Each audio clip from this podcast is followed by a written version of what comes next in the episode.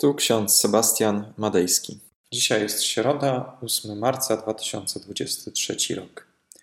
W księdze proroka Jeremiasza, 22 rozdział, 29 werset.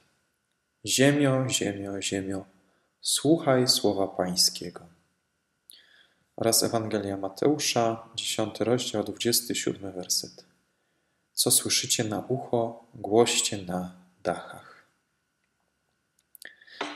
Drodzy, dzisiejsze słowa z księgi Jeremiasza i z księgi i z Ewangelii Mateusza mówią o Słowie Bożym. Jeszcze do niedawna w wielu miejscach w Polsce nie można było e, wprost głosić Słowa Bożego. E, było to ograniczane, było to jak najbardziej e, ocenzurowane.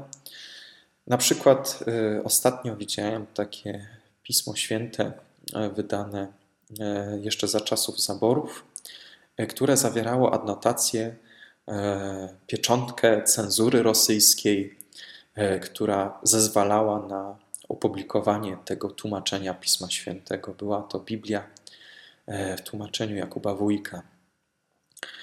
Jeszcze do niedawna w wielu krajach Pismo Święte nie było tak obecne, jak jest dzisiaj. Na szczęście e, Pismo Święte dociera e, dzisiaj do nas. Możemy w telefonie czytać Pismo Święte, mamy w domu Biblię i to nawet wiele tłumaczeń. Jednak są nadal miejsca na świecie, gdzie posiadanie Biblii, głoszenie treści zawartych w Biblii jest surowo zakazane, a nawet i karane. Mam na myśli kraje takie jak Iran, jak Chiny, jak nawet e, Korea Północna, a także i w Rosji. E, też e, ostatnio była taka sytuacja, że policja zaresztowała osobę, która napisała na portalu społecznościowym piąte przykazanie: nie zabijaj. Dosłownie zacytowała ta osoba Pismo Święte. Jednak w tym danym kontekście, e, w kraju, który przeprowadza inwazję, zbrojną inwazję na sąsiedni kraj, na sąsiednie państwo, został taki wpis, cytat z Biblii przyjęty jako obelga, jako zarzut pod adresem władzy i wojska.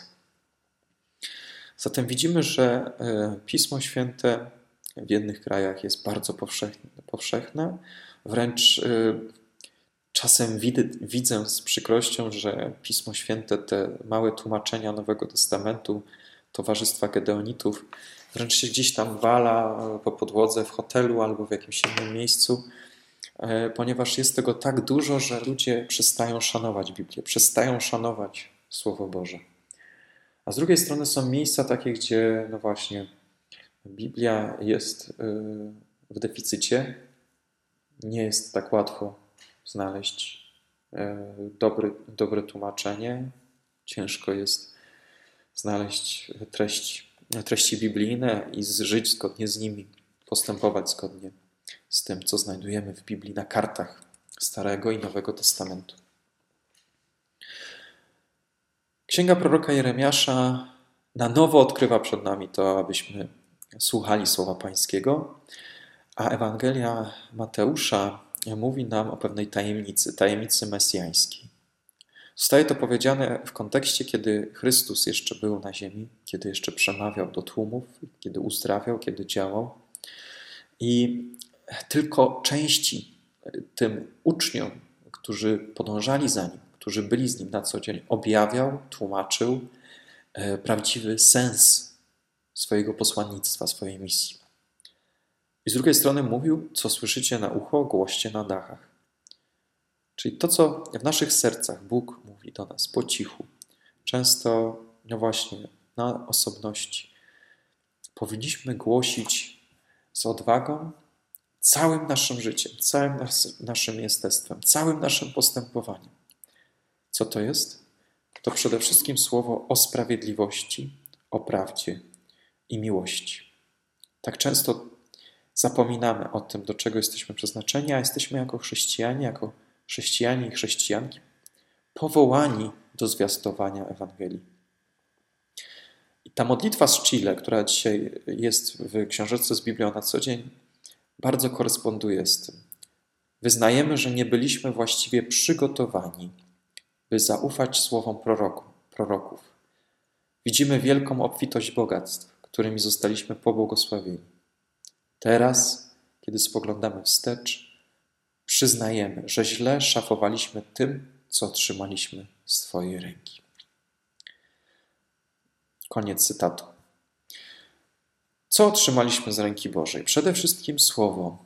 Jak nim obracamy, jak nim żyjemy, jaki plon wydajemy. Słowo Boże jest jak ziarno, które trafia do naszego serca. Pytanie jest, czy przynosi ono owoc we właściwym czasie. Życzę tego Wam i sobie, aby to Słowo Boże, którym się dzielimy z innymi ludźmi, e, aby ono owocowało, aby wydawało owoc we właściwym czasie. Amen. Pomódlmy się. Wszechmogący Boże, dziękujemy Ci za to, że kolejny dzień życia dałeś nam przeżyć. Dziękujemy Ci za ten poranek i za kolejny dzień, w który wkraczamy. Spraw Panie, aby to Słowo Boże, które otrzymujemy z Twojej ręki, było z nami w tym dniu. Abyśmy podzielili się tym Słowem z jakąś osobą, którą Panie Ty nam dajesz. Spraw Panie, abyśmy wydawali owoc we właściwym czasie. Amen. A pokój Boży, który przewyższa wszelki rozum, tak niechaj strzeże serc naszych i myśli naszych w Panu naszym, Jezusie Chrystusie, ku żywotowi wiecznemu. Amen.